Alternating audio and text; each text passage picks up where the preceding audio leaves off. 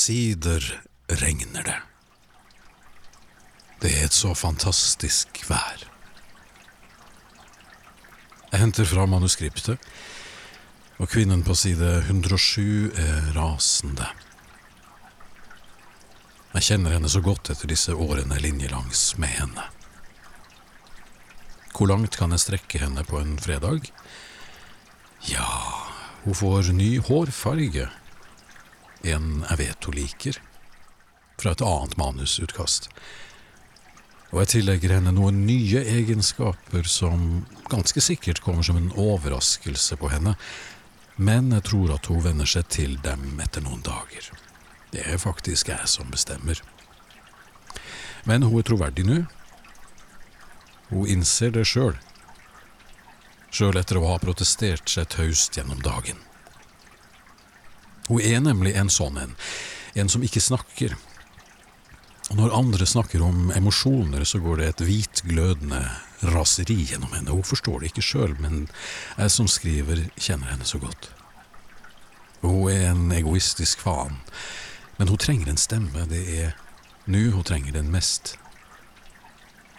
Hun er allerede tatt inn i varmen, men hun må ikke gå rundt og tro at hele verden kretser om henne. Det er andre som kanskje trenger mer hjelp.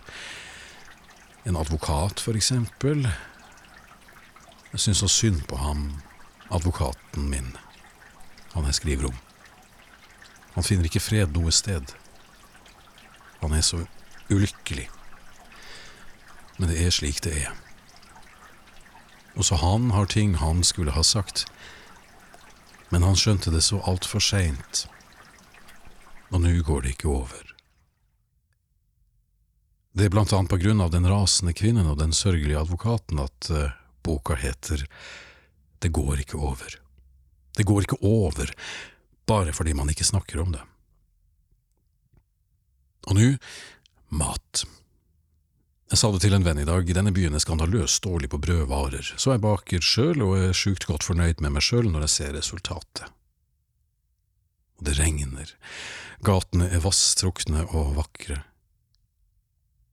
Og de har satt ut bysyklene nå. Det er den tiden.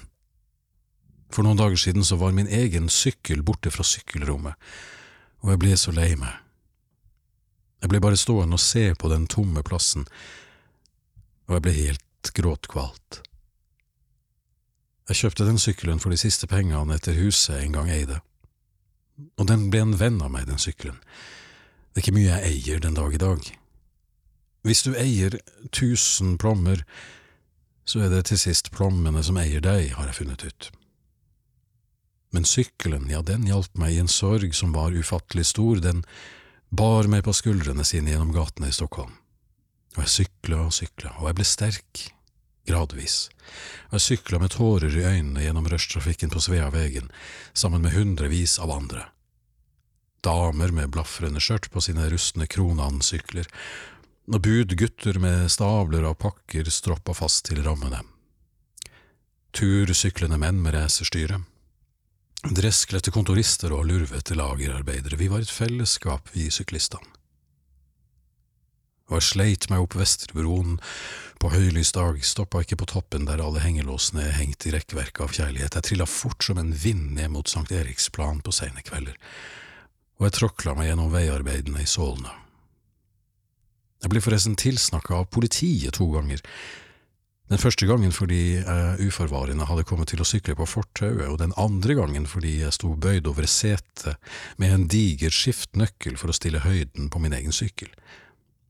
To politifolk, og det var ikke kling og klang, det kan jeg bare love, sto plutselig over meg med pistol i beltet og lurte på hva jeg drev med. Og så måtte jeg legitimere meg og bevise at jeg hadde nøkkel til låsen.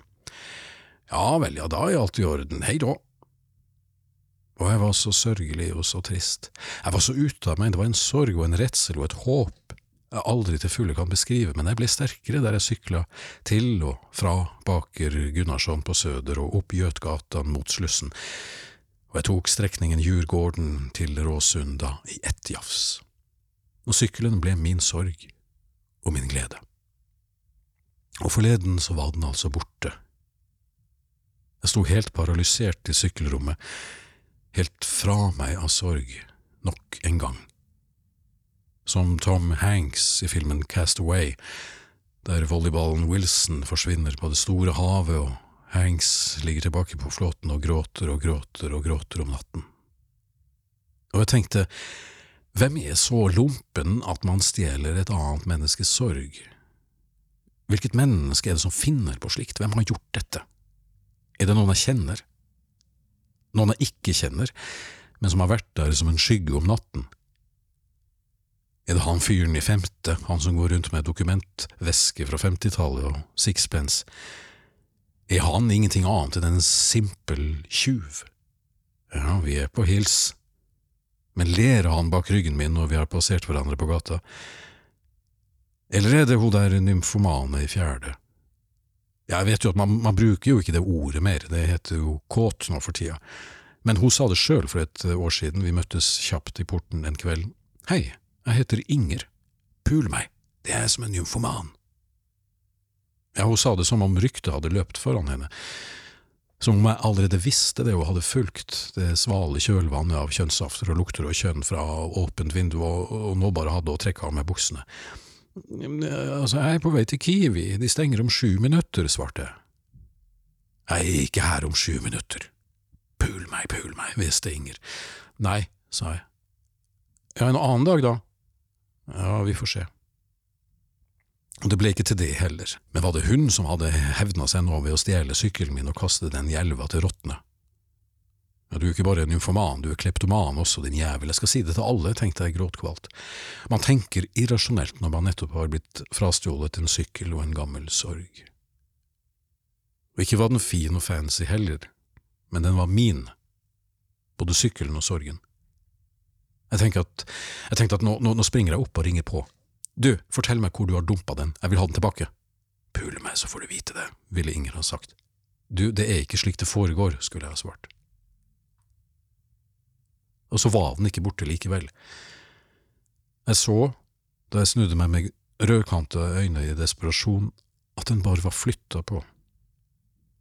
Den sto innerst rundt hjørnet like hel og fin. Antakelig var det bare vaktmesteren som hadde flytta på den da det skulle vaskes i sykkelrommet. Du må ikke skremme folk slik, sa jeg, halvt til vaktmesteren og halvt til sykkelen. Jeg er et melankolsk menneske, og jeg trenger både sorgen og sykkelen. Jeg skylder dem for øvrig en unnskyldning, både mannen med sixpensen i femte og, og Inger i fjerde.